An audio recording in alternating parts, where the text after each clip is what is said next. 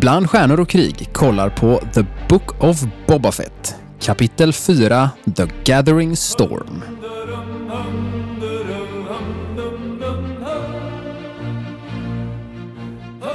Det är så intressant att vi blev så allvarliga, liksom, att vi, ska liksom säga det här Gathering Storm. Alltså det är som att vi, vi försöker liksom, vi försöker appropriera liksom, eh, 90-tals-trailer-rösten nästan. Liksom. Som att vi liksom någonstans, vi liksom tror att det, det är så här man pratar när man gör en podd. Vi har liksom på något sätt Jag tycker man kommer undan med sånt när det är musikmatta i bakgrunden. Då blir det liksom som att så här, då krävs det en extra nivå av coming soon. ingen skulle kunna någonsin tro att det faktiskt är vi som pratar, utan rimligtvis är det ju, de har ju anlitat en, en voice actor som, som påar varenda gång. Det är, det är den typen av budget vi har på Bland stjärnor och krig. Hej och välkommen till Bland stjärnor och krig. En podcast om eh, Hej! Star Wars med Tobbe och Chris. Och det är jag som är Tobbe.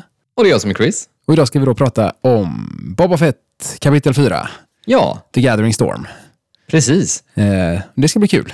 Och vi har, eh, ja, eh, spoilervarning som alltid. Vi kommer prata om hela det här avsnittet, men eh, absolut ingenting mer. Och nu har vi dessutom sett de absolut sista bitarna som vi fortfarande inte hade sett i någon trailer, så att ingen vet någonting överhuvudtaget om vad som väntar härnäst. Vilket är lite kul. Ja, men det är bra. Då, då, då, då är vi mer än en av folket. Då är vi, liksom, då är vi med en av eliten också, så att säga. Liksom. Utan att nu är vi en av alla. Liksom. Ingen vet någonting. Ingen vet någonting. Alla vet lika lite. Mm. The Gathering Storm, vad tänker du på då? Då tänker jag på bok 12 i Wheel of Time-serien. Ja, jag tänkte, vi, vi gillar ju liksom att se vad, vad, vad är det annars? Vi kan liksom så här namedroppa liksom, som vi vet om de här titlarna. Men titlarna är ju lite sådär att de... Eh, vi, vi får andra associationer till dem. lite så. Precis, inte mycket Star Wars-associationer. Nej, det får man absolut inte. Och det, väl, det, det känns ju lite som att de... Eh, det var något som slog mig när man, eh, när man tittar på det här avsnittet, att eh, om vi bara ska hoppa rakt in på det, så, så tycker jag liksom att... Eh, jag tror, var det Bob Iger för några år sedan som sa att vi kommer fokusera mer på eh, serier. Liksom. Nu är det liksom nog med filmer. Efter, efter liksom... Ja, det var väl efter Solo egentligen, va? eller var det till och med efter Episod 9? Ja, det var, det var där omkring i alla fall. Definitivt efter Solo började det tisslas om det, men sen när, när, ehm, när Disney Plus-succén var ett faktum så var det ju liksom inget, då var det ju ingen tvekan längre om att det här med filmer är, är dött. Liksom. För stunden med Star Wars. Ja, men precis. Det var ju ett lyckokast bara rent i, i någon form av pandemisk eh, situation också, som de inte visste om såklart. Men jag, jag tänkte bara på liksom att de, eh, det, det de... Eh, sen kan man ju diskutera hur, hur väl de lyckas med det, men jag hör inte... Nu är inte jag så om mig och kring mig, men jag tycker ändå inte mig kunna höra alltså de här vilda protesterna som man kunde höra liksom under... Om de hade tagit de här frispelen de lite har gjort i till exempel den här serien ibland, liksom, där det blir lite sådär... Eh, kanske det som många då skulle eh, beskriva som o-Star Wars, liksom, eller det här är inte Star Wars för mig, typ. Ja, Det, det känns som att man i en tv-serie vågar ta ut svängarna lite mer och att det är liksom den stora fördelen, vilket liksom på något sätt att det blev mer laddat med, med filmer. Liksom. Att man kommer liksom undan med det mera. Jag tror ju liksom att vi har ju absolut inte sett sista filmen på något sätt, men, eh, men jag tror att det är så laddat. Liksom. Nej, men jag tror du har helt rätt i det. Framförallt när det gäller sagafilmerna också. Där tror jag det var liksom, för där har folk en väldigt, väldigt stark åsikt om vad det ska vara för någonting. Och det är hela poängen med att det är episod 1, 2, 3 och så vidare. är att det ska följa ett visst mönster och, och eh, vara stöpt i en viss mall. Liksom. Alltså bara med, med Rogue One så var ju folk mer förlåtande. Inte alla givetvis. Eh, och samma med Solo. De flesta är ju ganska överens om att Solo-filmen är hyfsat underskattad och att den var helt okej. men att det var ingen som hade hoppats på att det skulle vara någon form av Grand Slam Oscar-vinnare. Liksom, utan att den var helt okej. Det räcker för många liksom, för att man ska tycka att nej, men det var väl schysst. Men, hade det, men när det gäller någon av sagafilmerna då har man helt andra förväntningar. Liksom. Så att jag tror att du är inne på någonting där. Ja, och, och, och vi ska inte fastna för mycket i det, men jag tror också att det finns, eh, vad ska man säga, Eh, en, stor förväntan egentligen även på de eh, som inte är sagafilmerna. Eh, till skillnad från, om, alltså det är väldigt lätt att jämföra Star Wars med Marvel, liksom, som på något sätt liksom kan spotta ur sig filmer och Ja, okej, det blev en bomb eller skit i det. Liksom. Och så folk går vidare liksom, ungefär för att de, det, det kommer i sån extrem takt också. Liksom, och jag tror inte det finns samma helhet i det. Och det, det har vi pratat om tidigare, men det är liksom etablerat koncept att man byter Och, personer som är samma karaktär och så vidare. Liksom, att det, liksom, det finns i mediet i sig medan det är mer av en helig ko. Liksom, att det ska vara, följa ett visst mönster som alla är överens om att ingen är överens om. ungefär. Ja, och det blir, det blir liksom ett, ett, en omöjlig ekvation att lösa. Och jag tror att, att tv-serier är eh, lite en gateway att öppna upp det här. Och, och även liksom, eh, någonting som vi faktiskt inte har pratat om i den här podden som vi skulle kunna göra är ju eh, Star Wars Visions som absolut eh, branchar ut på Mm. det här. Eh, för övrigt väldigt bra eh, som tv-serie tyckte jag, liksom som jag hör väldigt lite om. Men jag, jag, tyckte, jag liksom, tyckte den var extremt spännande och hur man kunde ta ett IP och liksom se vad man kan göra mer med det. Det blev nästan som någon form av eh, konceptperspektiv. Liksom, nästan. Alltså det var nästan som pitch, pitch-avsnitt. Liksom. Ja, nej, jag förstår vad du menar. Jag, jag pratar jättegärna mer om det vid något tillfälle. Jag har ju fortfarande bara sett den första av dem, ska jag erkänna. jag har inte, Ja, ja, ja.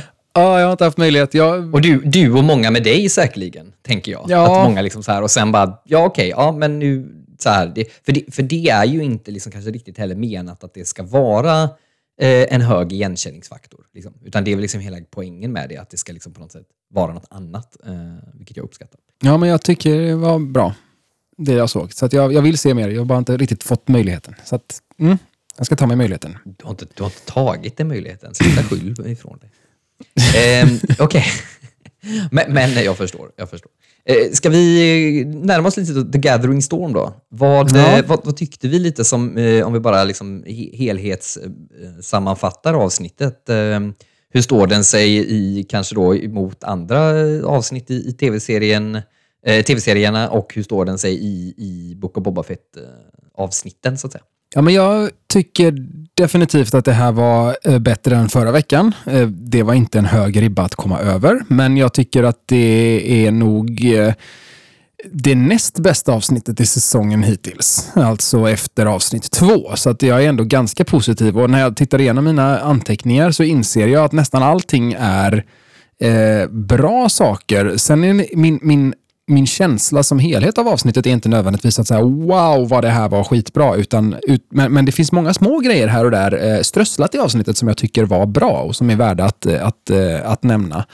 Eh, Men jag tycker fortfarande att serien som helhet lider lite grann av att man står och stampar lite grann, även om jag känner att vi stampar lite framåt nu den här gången. Och eh, ja, tre avsnitt kvar. Eh, Nu får det verkligen börja hända grejer för att så att säga rädda serien som helhet. Men eh, överlag ett, eh, ett helt okej avsnitt som jag hade kul åt att titta på. Liksom. Inte kul med då, utan du hade kul åt ja, precis. Eh, jag, kan, jag kan faktiskt hålla med dig ändå. Eh, jag tycker att eh, det var nog... Eh, ja, men alltså, avsnitt två och fyra hittills är de bästa, tycker jag. Och avsnitt ett och tre var inte alls särskilt bra. Och, eh, jag hoppas att ingen eh, kommer att skära av sina öron nu, för jag kommer att upprepa liksom att det är ju tyvärr då flashbacks aspekten av det som, som är det intressanta i det, för att det är mer eller mindre helt och hållet i flashbacks förutom slutet. Eh, Och det som är det tråkiga med det, att jag tycker det, det är väl att jag egentligen är inte en person som tycker att vi behöver förklara saker vi redan vet. Alltså någonstans så, så, så, så är väl det också samtidigt kritiken i avsnittet. Eh, det är bara mer att det är um, bättre gjort helt enkelt. Alltså det finns någonting mer intressant i det och hade vi inte vetat att, att han får tag i eh, liksom sin rustning senare eller eh, att han får eh, tag i, i eh, Slave One och så vidare, liksom, eller att han dödar Bib Fortuna och hela den här biten, så tror jag liksom att det hade kunnat i sig varit ett, liksom, om det hade liksom berättats i kronologisk ordning så hade det nog varit ett ganska så kul avsnitt. Jag tror att det hade varit ett mycket bättre avsnitt. Jag tror bara att det faktumet att man vet det gör att man eh, återigen där man får de här liksom, prequel-känslan. Liksom, att man ska se någonting som redan man vet om och det, det tyvärr förtar lite. Eh, även om utförandet i sig tycker jag inte det är någonting att klaga på så tillvida. Det är väl egentligen det som är. Skulle man bara se det här, eh, den här serien utan att ha sett eh, The Mandalorian så, så är det eh, ett bättre avsnitt på något sätt. Men det blir ju någonstans eh, alltså väldigt subjektivt i, i den bemärkelsen. Nu är ju all, form av eh, vad tycker du om avsnittet är ju givetvis subjektiv, men, men eh, såklart att det kommer att komma generationer av människor som av en eller annan anledning kommer att se det här före de ser någonting annat. Så Ja. det tycker jag ju är egentligen ingen kritik mot avsnittet, även om jag förstår vad du menar. Men jag menar någonstans så, så här, vad som händer är ju inte alltid det nödvändigaste. Hur det händer och vad jag känner när jag ser det kan ju vara minst lika viktigt, om inte viktigare. Så att någonstans så blir det ju som att så här, ja, mitt, mitt i Pulp Fiction får vi se att John Travolta blir skjuten. Är, är det därmed inte meningsfullt att se färdigt filmen efter det, så att säga? Utan så här, det, jo, det är klart att det är. Så att det är så här, ja, eh, vi visste redan att han skulle få tag på skeppet, men å andra sidan, jag gick tillbaka och lyssnade lite grann på vårt eh, avsnitt om som handlade om The Tragedy, alltså avsnittet i Mandalorian, när vi får se att Boba Fett har eh, fått tillbaka sitt skepp och eh, har sin rustning. Och vi spekulerade i det avsnittet kring båda de sakerna. Så här, okay, när fick han tag på sin rustning? Varför dröjde det tills nu? Och vadå, har han haft sitt skepp hela tiden? Ut, ut, ut, liksom, det var ändå frågor som kom upp, så att jag kände ändå en väldigt stark tillfredsställelse i att så här, de har kört the long game, de har haft koll på de här grejerna. De har liksom så här, okej, okay, men vi slänger in det där och sen så kan fans få liksom perkulera lite grann på det och fundera över hur det där gick till egentligen. Eh, för hade vi aldrig fått någon förklaring på det så känns det lite grann som att det hade varit cheap. Eller lite så här, okej, okay, men tänker ni inte förklara det? Så jag tror att det är lite grann lose-lose situation på ett sätt i att så här, de hade kunnat göra fel hur de än hade gjort, med, eller så hade de kunnat göra det rätt hur de än hade gjort. Så här. Men jag, jag, tycker att det här funkar bra. Jag, jag har ändå funderat över de här sakerna och, och ville ha svar på det och jag tycker att det ja, jag tycker det var schysst. Ja, det var bra. Nej, men jag, jag, jag, jag hör vad du säger och jag, jag, jag tycker inte att du har uh, fel. Uh, absolut inte. Så du, du, har, uh, du har bra poänger. jag tänker bara att, att um, ja, jag tror, jag tror att, liksom, att det hade varit mer spännande om man, om man inte visste hur det skulle gå. så att säga. Alltså, mm, mm. Liksom, sådär. Men, men fine, herregud. Oftast vet vi att hjälten vinner. Bara det faktumet det gör ju att vi oftast vet hur det går ändå. Så att, eh, ja. Ja, men jag, har, jag har en sju och ett halvt åring hemma som jag liksom håller på i valet och kvalet nu över så här, ska vi kolla på Star Wars 4, 5, 6, 1, 2, 3 eller ska vi kolla 1, 2, 3, 4, 5, 6? Hur fan ska jag göra det här? Liksom, vilken är, vad, vad blir bäst? Alltså, så här, och det, det, det är ju liksom alltid om vi bortser från det faktum att man ska se dem i releaseordning för att jag verkligen, verkligen tycker det, så, så är det så här, man kan ju säga samma argument där, eller du var inne på det, liksom att det blir prequel-grejen. Att så här, vi vet ju redan vad som händer med Vader. Är det meningsfullt att se episod 1, 2, 3 då? Och det, det kanske det inte är, eller så är det visst det. Liksom, eller så. Ja, det, mm. eh, det är svårt. Jag, jag, tror någonstans att, eh, inte för att eh, fortsätta den diskussionen allt för länge, men jag tror någonstans att det är omöjligt för en skapare av någonting att inte förhålla sig till vad som redan finns, så att säga. Ja, så är det Och det kommer att påverka vilka val du gör, eh, hur, hur, mycket du än försöker slå knut på det, att återberätta det på ett sätt som att det skulle liksom ha berättats i det här, på det här sättet. Så. Eh, men, men eh, nu har vi pratat om mycket annat. Eh, om vi ska prata om det här avsnittet så kan vi i alla fall säga att vi, vi tyckte båda att det var ett, ett bra avsnitt i, i den här, eller liksom bland det bättre, ja, topp två åtminstone, liksom av fyra. så att jag menar, liksom top, top tier. Nej men någonstans så, så, så jag vet inte om, alltså jag, jag tycker liksom någonstans att eh, eh, avsnitt två och fyra hade kunnat berättas mer eller mindre eh, för sig och jag hade tyckt att ja, men det här är ju intressant och, och välgjort så att säga. Utan jag, jag, tycker nästan snarare att det är ett och tre som, som drar ner även två och fyra på någonstans. Liksom att jag tycker liksom inte riktigt att vart de är på väg sen är lika intressant. Men eh, vi får väl se nu när det är tre avsnitt kvar vad de gör. Men om vi ehm, istället kanske går in lite mer eh, i scenerna i sig då och pratar om vad vi gillade och vad vi inte uppskattade i avsnittet. Eh, vad, vi börjar med att de, jag vet inte om det är exakt i början, men det första jag, jag tänkte på var det här att de kommer in i en, en mod parlor. Eh, mm. Jag tyckte det var lite intressant. Alltså liksom, det är ju ingenting vi har sett tidigare, utan det känns som att liksom, det har gått från att vara någon form av liksom, extrem high tech, liksom, att Vader får det här. Liksom, det är liksom, ja, innan det då, vad heter han? General Grievous, liksom, att det är, det är väldigt sällsynt med att man är liksom någon form av cyborg, liksom, men att nu är det liksom lite mer så här, att man moddar folk lite till höger och vänster och det är lite mer nästan så här, svarta marknaden, mod på, på det hela. Liksom. Eh, jag tyckte det var lite coolt. Alltså, jag, jag hade inga problem med det, men det är ju helt klart en av de här grejerna jag menar, så där man tar ut svängarna lite. Eh, ja, det kan man eh, säga. Och jag, alltså, jag har inga problem med det heller och jag tror att det här är nog, alltså ska vi prata tv-serier och ta ut svängar så, så jag menar, alltså serietidningarna är väl ett ställe där man i alla år har liksom tagit ut jävlar vad det har svängt åt både höger och vänster och hit och dit.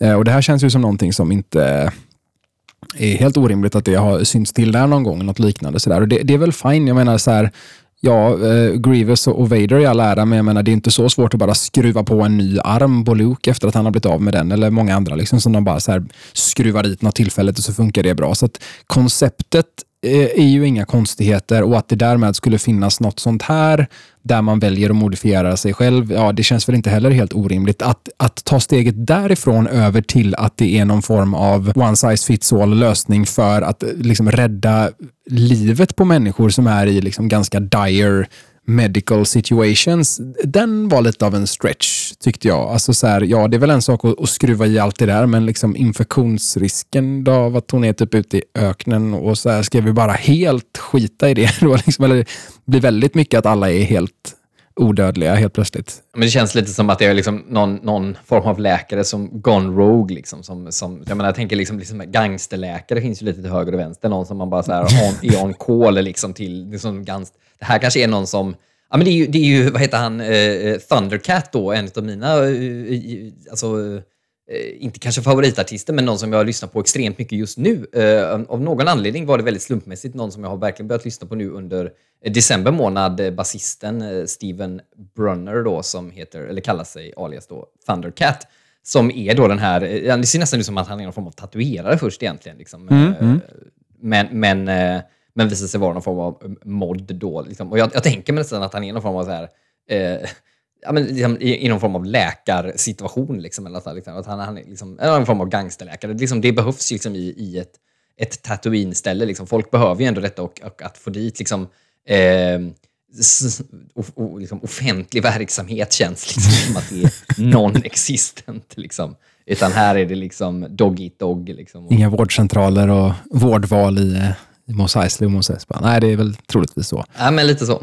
Mm. Ja, nej, men det, man får ju köpa det för vad det är, eh, såklart. Eh, det var ju en, en, fråga man ställde sig redan i Mandalorian, hur i hela fridens namn hon kunde överleva och bara öppnar magen och visar lite liksom, pumpande cylindrar och så ska det vara liksom, någon form av förklaring som vi ska köpa med hull och hår. Och eh, ja, ja, det, det är väl fine. Liksom. Det... Men visst var det mycket förklaringar i det här avsnittet? Att det gick ut väldigt mycket på att liksom, eh, liksom, det, det, var nästan liksom att Eh, det kunde heta att catch up on Mandalorian, liksom, typ, eller, liksom, eller how we explain Mandalorian, alltså inte The Gathering Storm, utan det var ju verkligen det det, det var. Och, och, eh, och, det här var ju inte det enda då, utan det vi pratade om tidigare med Slave One och, och lite sådana grejer. Så det, det var lite det, det det handlade om, eller inte det det handlade om, men det var väldigt mycket det de försökte eh, få in. Och det känns ju också rimligt nu när man har tre avsnitt kvar, att nu, nu har man liksom kommit ikapp med Mandalorian och nu liksom jag, jag, tror att vi kommer blicka mycket mer framåt och om vi blickar bakåt så kommer det nog mer vara eh, Boba Fetts alltså, resa längre tillbaka i tiden med typ Jango Fett och hela den där. Om, om det skulle vara någonting menar jag. Jag tror inte vi behöver nödvändigtvis få mycket mer flashbacks av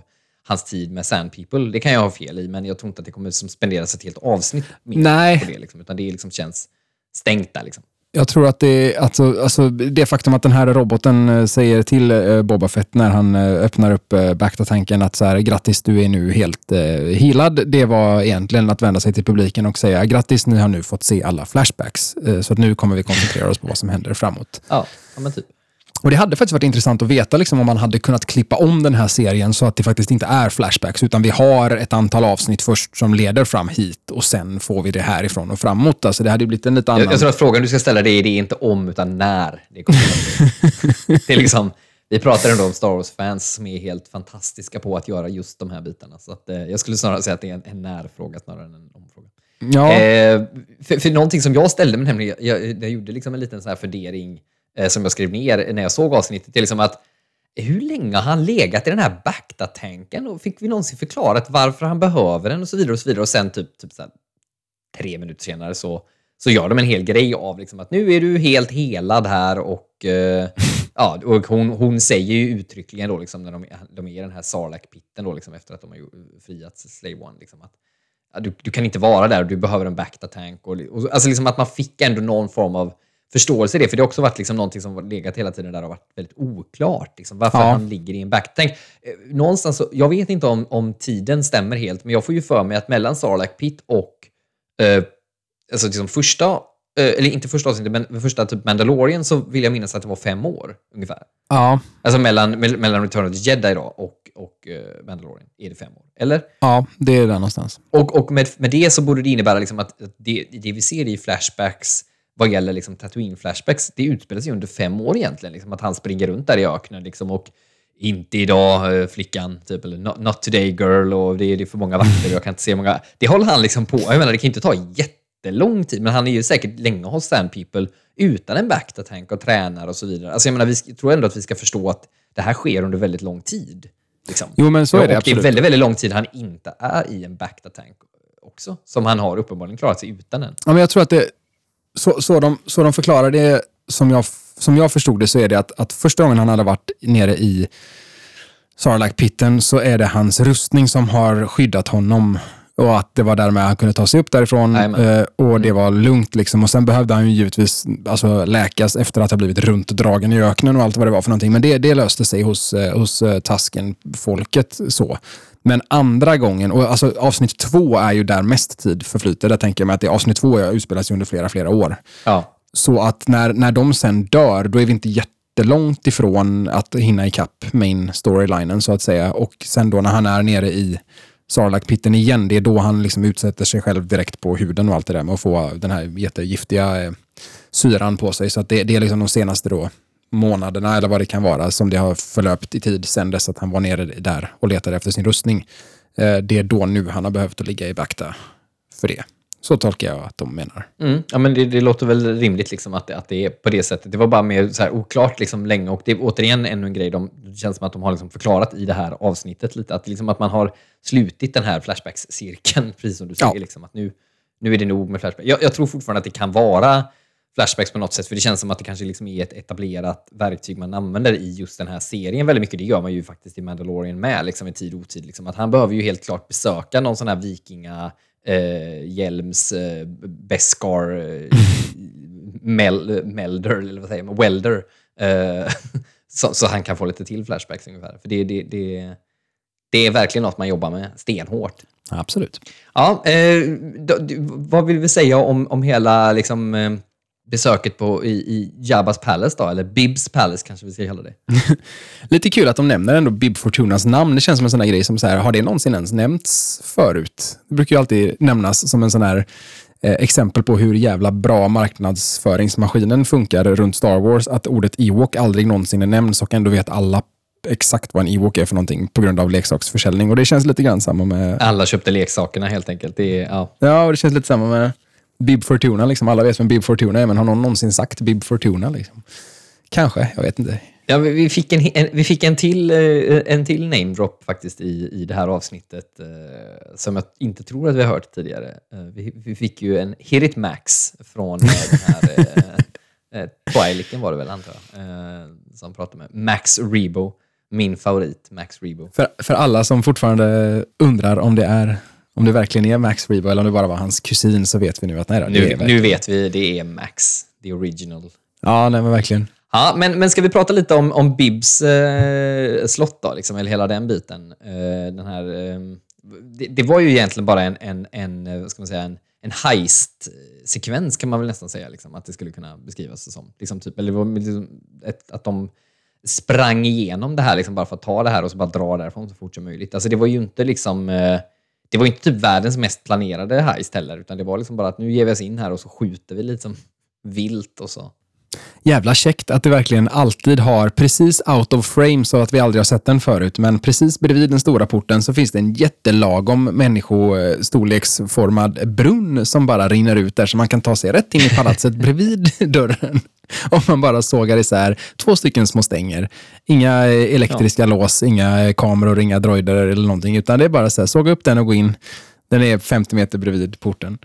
Det känns lite rustikt i, i Jabbas Palace ändå. Det känns som att de kör lite old school. Det är inte så mycket liksom eh, så här, eh, laserbarriärer och sånt där. Liksom. Det är liksom lite mer eh, ja, men ett, ett, ett, ett, palats helt enkelt. Liksom. Alltså, det är liksom ett, ett, ett riddarpalats någonstans. Ja. Liksom, eller ett sandpalats eller vad man ska kalla det. Ja, nej, verkligen. Ett sultanpalats kanske är det närmsta.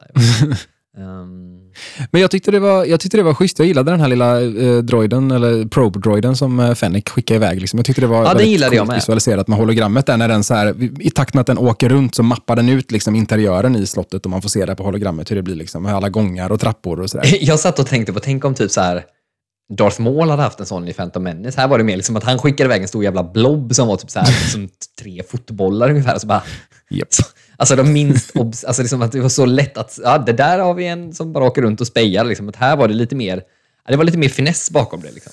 Men det var ju över 30 år tidigare, så att eh, tekniken har ju gått framåt. va? Jag menar det. Nej, nej, det är ingen kritik, utan jag menar bara att det är precis det jag tänker. Att det, tekniken kring Spy Droids har ju uppenbarligen, alltså market has been booming under the Empire years. Liksom. Alltså, Ja, det ja liksom, men herregud.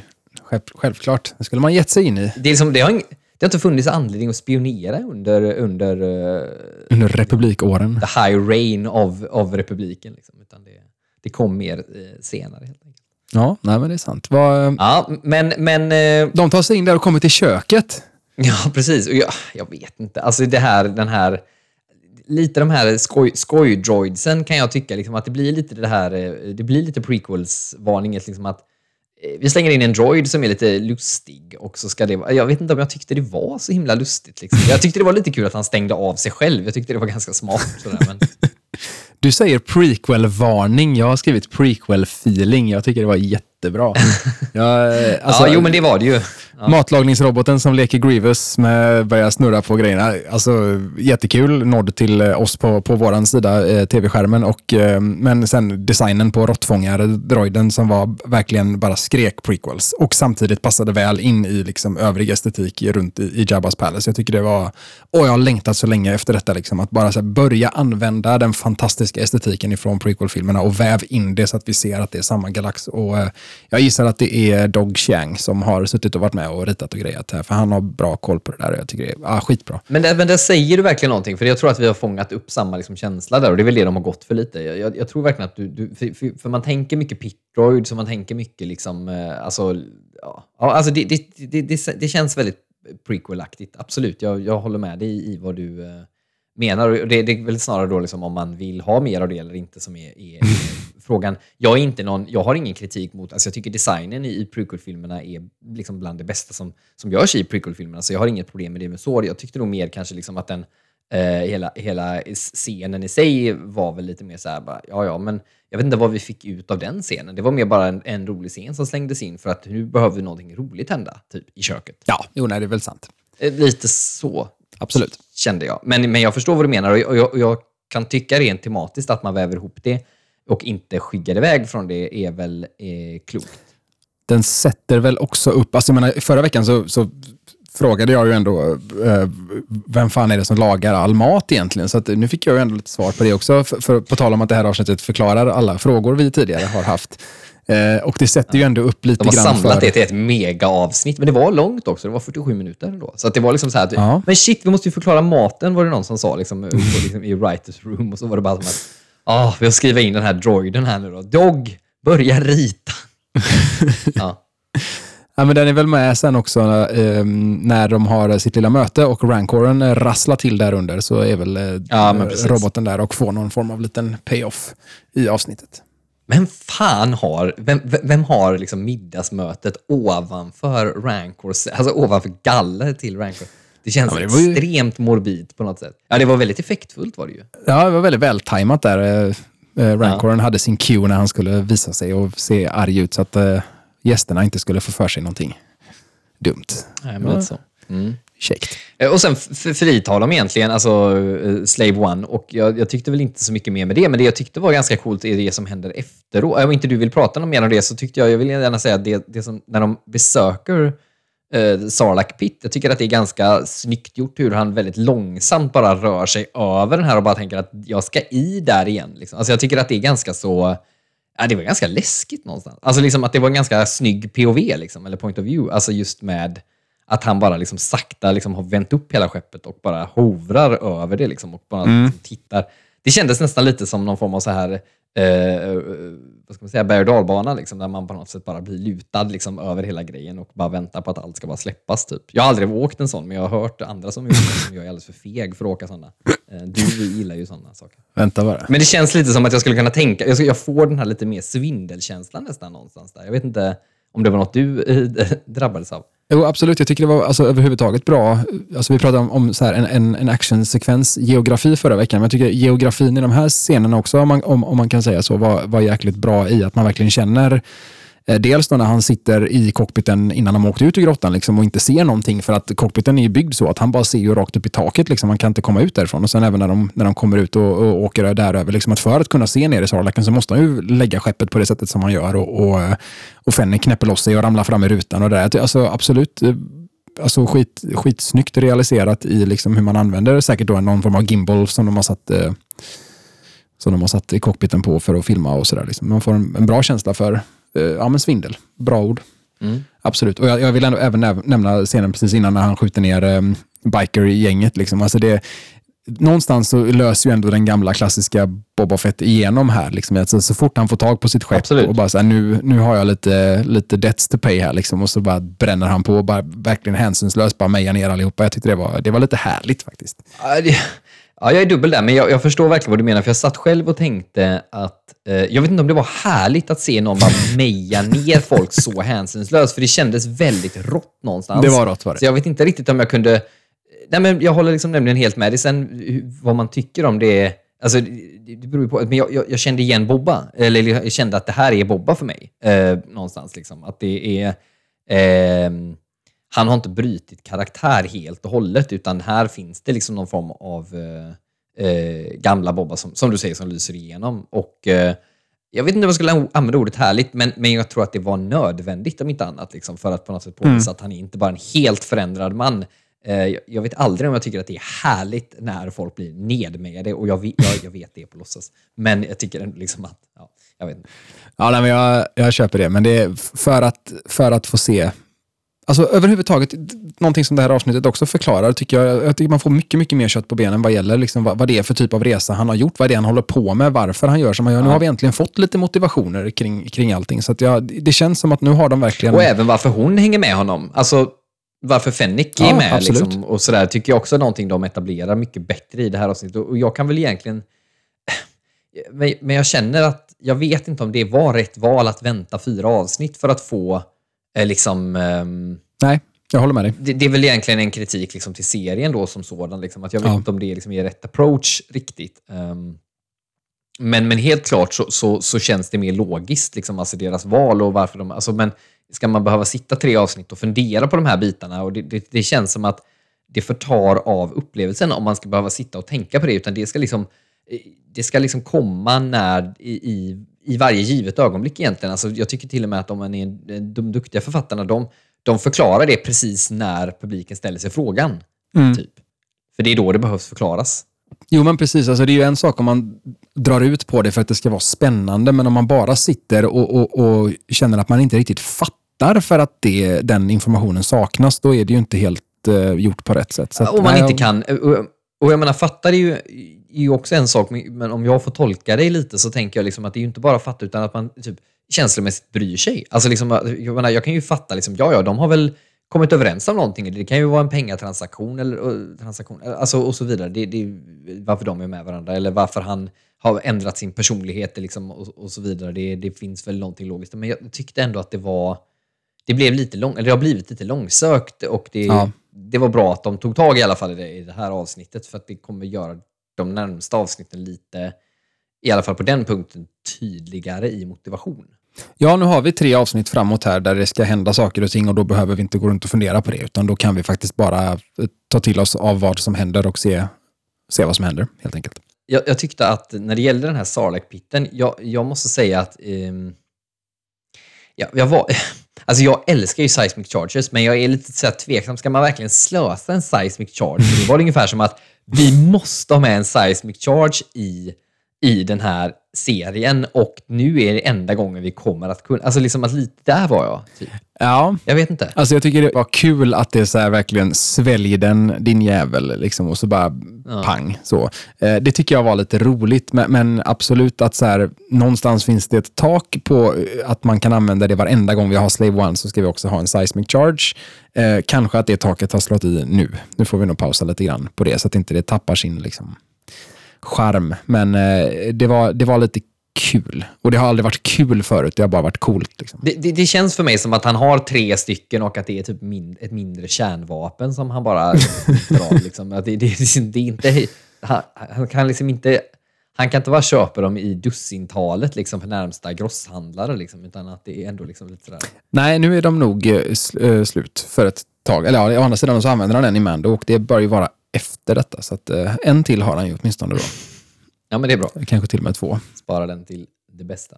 Eh, Sarlaken är död i alla fall, det kan vi ju konstatera. Jag tycker det var kul att de hade med näbben också. Jag trodde först när de åkte över där och tittade ner att så här, ah, de har nog inte riktigt vågat ta med näbben för att det var ingen som gillade näbben för att näbben är, är special edition. Men sen så kom näbben.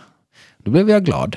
Ja, men den gjorde faktiskt det. Jag var också lite sådär, ja precis, jo, jag vet att du blir det. eh, och det, det, men, och jag, jag, det, det tror jag inte att de hade kunnat göra på något annat sätt, även vad de själva tyckte. Jag tror snarare att det de gjorde var den här lilla kompromissen som de försöker hela tiden, liksom, där man, Mm. att man försöker tillta, tilltala båda eh, läger, eller liksom att man försöker hålla sig i någon form av mittfår och play it safe. Liksom. Att de, det är inte liksom en, en, en näbb, eller vad man ska kalla det, som bara flyger runt till höger och vänster, utan att det är ju ändå liksom väldigt lite man får se den och när den väl syns så sprängs den mer eller mindre. Så det, Ja, jag tycker jag bra, ja, play it safe. Bra kompromiss. Vad behöver vi prata mer? Vi pratade om den här eh, mi- middagsscenen. Det är väl lite det det kommer att, att handla om. Efterspelet på det kommer det handla om de närmsta avsnitten egentligen.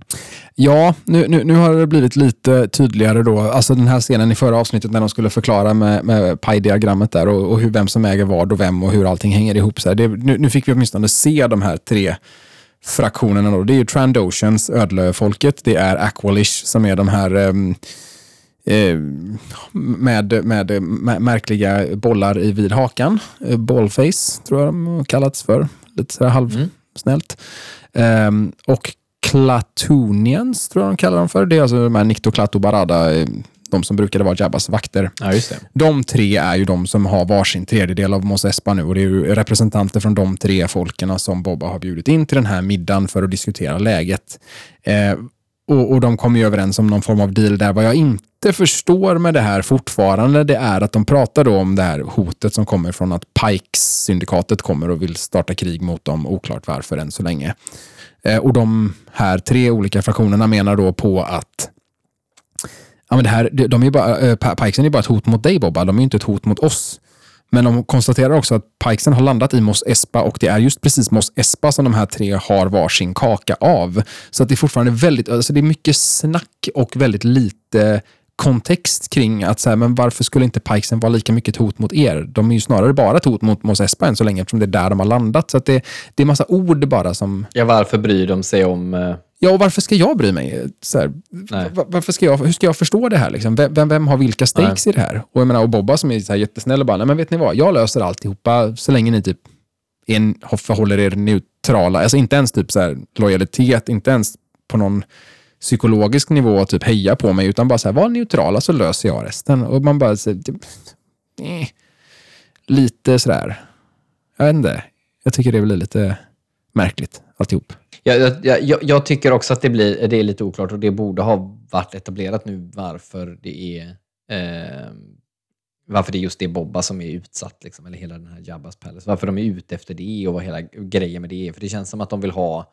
Alltså de vill lägga... Det det är klart att det, det kan väl vara att han är väl den enda som sätter sig upp mot dem och det är väl så vi ska tolka det någonstans. Men å andra sidan då, är de in, då verkar de inte vara särskilt eh, brydda om sin sitt territorium ändå. Alltså jag, jag, jag tänker att det, det blir väldigt konstigt då. Är det ungefär som att ja, men de får gärna härja runt, Pikesen får gärna härja runt i mitt territorium, liksom, för jag tjänar pengar på det ändå. Är det det jag ska tolka in i det då? Eller? Alltså jag vet inte också, det, det blir lite oklart. Ja. ja, det är fan lite oklart. Men, men det vi har pratat om egentligen, om vi ska liksom försöka göra någon form av eh, avslutning här, då, så, så det, det vi har pratat om tidigare är lite det här UN What Army och vi får ju lite hintar på vilken army vi kan tänka oss kanske Ja, i just det. slutet av avsnittet. När det kommer lite musik. Det finns ju helt klart en, en, eh, en Mandalorian-tema-hint eh, som eh, kanske inte är helt osubtil eller omenat att vara så heller. Liksom.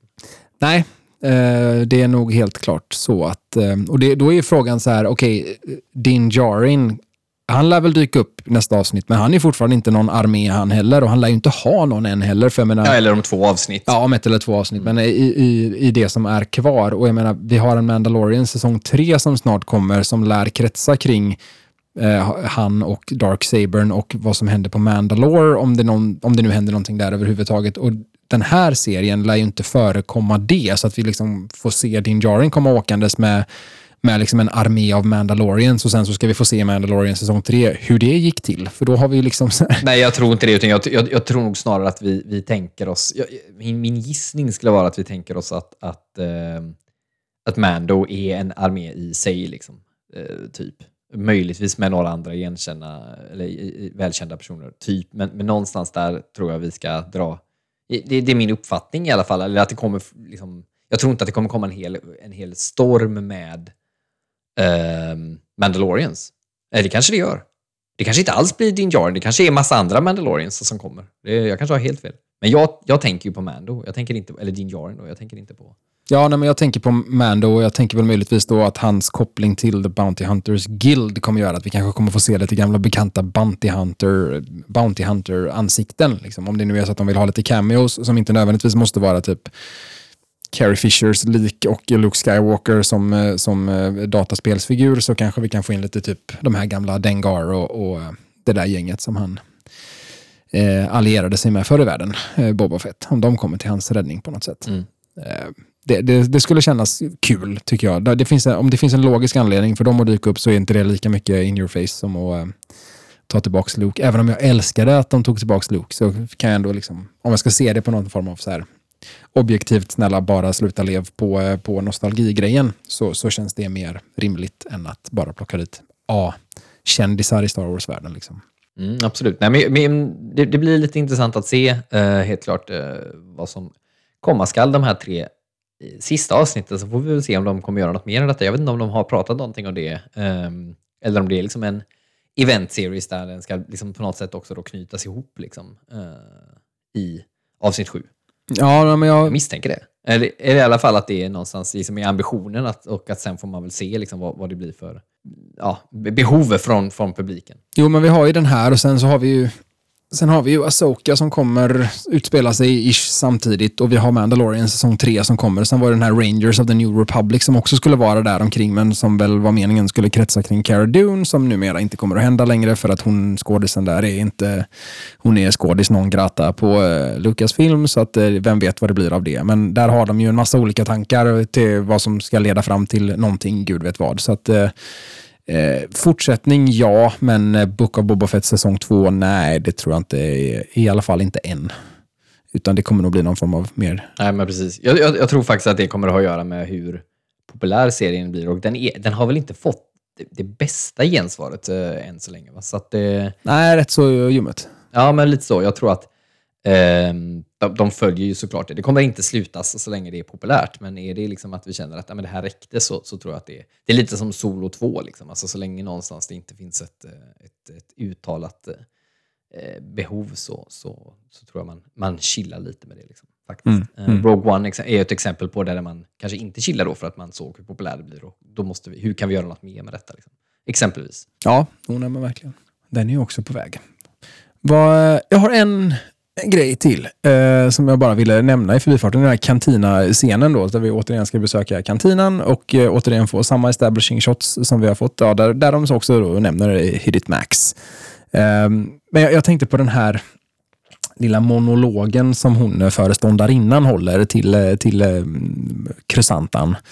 Eh, när han står där och är i färd med att slita av armarna på den här eh, Trandoshan som han har sett har spelat eller fuskat eller allmänt eh, är avundsjuk på eller vad det nu är för någonting. Eh, jag tycker att det jag tycker att det är ganska mysigt och roligt att titta på det, men jag tycker inte att det är särskilt bra. Alltså jag får så enorma Holiday Special-vibbar. Det känns som att Bea Arthur ska komma ut och börja sjunga. Eh, alternativt att hon själv ska börja sjunga när hon så här, alla tystnar, hon går fram och pratar lugnt och fint till den här stora boken och helt plötsligt så ska hon brista ut i någon form av musikalnummer då som handlar om hur orättvist livet har varit mot honom och eh, alla sitter och gråter och sjunger. Det hade varit grymt. det hade varit grymt. Det hade också varit Konstigt. En exakt, exakt, ja. exakt kopia på, på eh, Holiday Special. Liksom, för att det är exakt vad som händer i Holiday Special. För att där är Bea Arthur föreståndarinna i, i den andra Mos Eisley-kantinan. Liksom, och så går hon runt och typ sjunger om när det är dags för alla ensamma gästerna att gå hem till sitt. Liksom. Och det är bara så här, det är världens konstigaste scen. Har vi gjort ett eh, Holiday Special-avsnitten? Nej, det kommer. Det kommer. Vi har inte det. Det kommer aldrig hända kanske. mm. Men det är, jag, jag vet inte, jag tycker bara hela den scenen var så konstig. Liksom. Att så här, är, är det någon form av pastisch eller hommage till George Lucas träiga dialog eller är det bara så här de tror att folk pratar i Star Wars? Eller så här, hon bara gör världens grej där och alla bara stannar upp och lyssnar på det. Sen så sliter han ändå av armarna på den där och så är det bara skitsamma alltihopa. Boba Fett som är ändå på väg in där och har någon ja. form av pressing ärende. Liksom. Han bara står och väntar också liksom, på att det är så här. Okej, låt den här lilla musikalnumret spela färdigt så att jag kan gå och prata med dem jag behöver prata med. Ja, det blir lite stolpigt och lite, lite, lite väl mycket scen, scen, iscensatt. Liksom, eller scen, senat. Ja, enormt iscensatt. Ja, det är märkligt. Men eh, jag gillar ju Holiday Special så att jag får väl bara låta det flyga. Men... Eh. Gör du verkligen det? Okej, okay, intressant. Ja, där, där har vi ju en Boba Fett-koppling om inte annat. Eh, det var hans första, när han syntes för första gången va? Precis. Jag tecknade en delen där. Yes. Okej, okay, men då, då säger vi väl så för den här veckan helt enkelt. Och, och innan vi, vi eh, på något sätt säger hejdå till alla lyssnare, vad, vad kan vi hitta mer om oss, eh, Tobbe? Maila till oss på blandstjärnor och krig gmail.com och följ oss på Instagram at blandstjärnor och krig. Och så glöm inte att prenumerera på podden också i podcast-appen. Och kan man lämna några stjärnor så får man gärna göra det. Ju fler stjärnor desto bättre blir vi glada och en liten kommentar. Ja, precis. Det uppskattas jättemycket. Alltid. Ja, men grymt. All right. Då ser vi vad det blir av detta nästa vecka. Då säger vi så. Ha det så gott så länge. Ta hand om er. Ja, ha det så bra tills dess. Hej, hej. Hej. Just one more round, friend. Then homeward bound, friend. Don't forget me in your dreams. Just one more song, friend. And then so long, friend. The nights get shorter, it seems. Just one more rhyme, friend. Yes, it's a crime, friend. But you know time, friend. Time can fly. So it's good night, friend. Good night, but not goodbye.